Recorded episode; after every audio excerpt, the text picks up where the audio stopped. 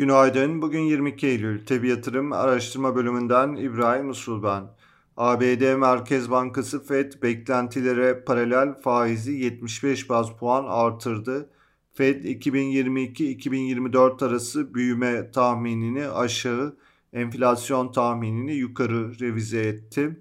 Powell konuşmasında enflasyonu kontrol altına almak için faiz artışlarının süreceğini söyledi. Fed üyelerinin önümüzdeki dönem için faiz tahminleri yükseldi. Yıl sonuna kadar Fed'in kalan iki toplantısından 125 baz puan daha faiz artışı tahmin ediliyor. Şahin algılanan Fed toplantısı sonrası fiyatlamalara bakıldığında Amerikan borsası üzerinde son bir buçuk haftadır artan satış baskısı devam etti.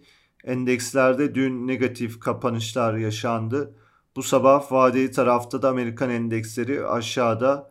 Japonya Merkez Bankası beklenildiği gibi faizde değişikliğe gitmedi. Piyasalarda etkisi sınırlı.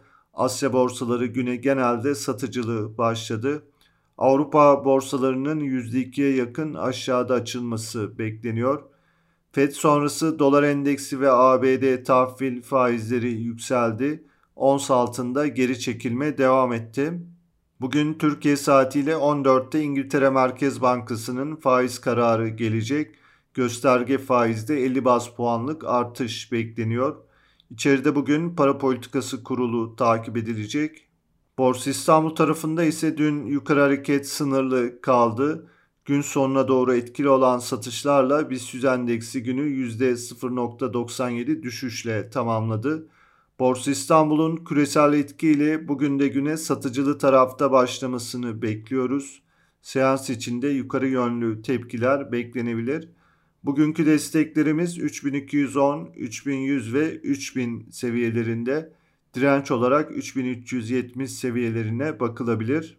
Hisse tarafında endekste olası toparlanma hareketi içinde teknik olarak BİMAŞ, Koç Holding, Sabancı Holding, Şişecam, Şok Marketler, Tekfen Holding, Ülker, Vestel Elektronik hisseleri olumlu yönde takibimizde olacak.